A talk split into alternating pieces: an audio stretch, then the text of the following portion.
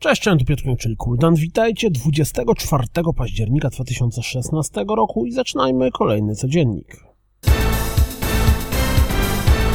Jak widać po zwiastunie Accounting, jeśli twórca Rick and Morty zabiera się za robienie gry, to musi to być specyficzna gra. Halloween już zaraz, więc pojawił się zwiastun wydarzenia związanego z nim w Destiny – Festival of Lost. Jak sama nazwa sugeruje, w The Dwarfs pokierujemy losami krasnoluda, przebijając się przez morze przeciwników. Gra zmierza w tej chwili na PC. Seraph, czyli strzelanikowy platformer jest dostępny na PC, a teraz pojawi się również na PlayStation 4, z tym, że z tym strzelanikowy to może lekka przesada, bo w grze nasza postać celuje za nas.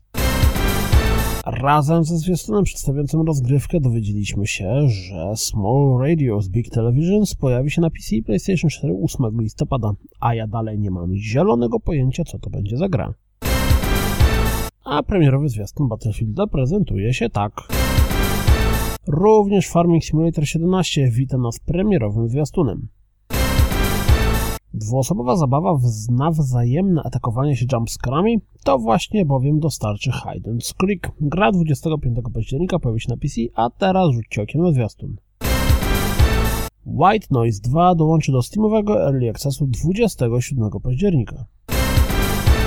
Star Trek Bridge Crew zaliczy opóźnienie i pojawi się dopiero 14 marca 2017 roku. Nawet jeśli największy szał na Pokémon Go minął, to gra przebiła właśnie łączny dochód w wysokości 600 milionów dolarów. Doom dostał darmowy update wprowadzający m.in. tryb arcade. Jeśli zapisywaliście się do zamkniętej bety Gwinta, to wypatrujcie maili. Beta rozpocznie się 25 października. No no, tego chyba jednak nikt się nie spodziewał, albo prawie nikt. The Last Guardian dostał status Gold, co oznacza, że gra już jest skończona, no nie licząc Day One Patcha. Nintendo potwierdziło, że Switch nie odpali gier z Wii U i z 3DS-a. Potwierdzili również, że główną częścią konsoli jest ta z ekranikiem, a stacja dokująca ma służyć jedynie ładowaniu i przekazywaniu obrazu na telewizor. 25 października do A Dangerous trafi update Guardians. Pamiętacie Lost Soul Aside? Czyli to była ta gra, którą stworzył jeden człowiek w Unrealu 4. Ojejku, jak ona ślicznie wygląda. No to twórca potwierdził, że gra będzie na czasową wyłączność na PlayStation 4. Pojawiły się dwa nowe zwiastuny Berserk and the Band of Hawk, w tym jeden związany z PlayStation Vita.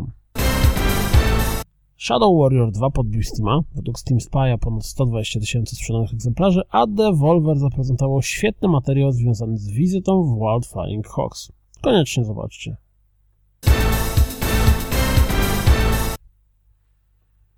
To wszystko na dziś. Jak zawsze dziękuję za słuchanie. Jak zawsze zapraszam na www.rozgrywkapodcast.pl Jeśli doceniacie moją pracę, wesprzyjcie mnie na Patronite i mam nadzieję słyszymy się jutro. Trzymajcie się. Cześć!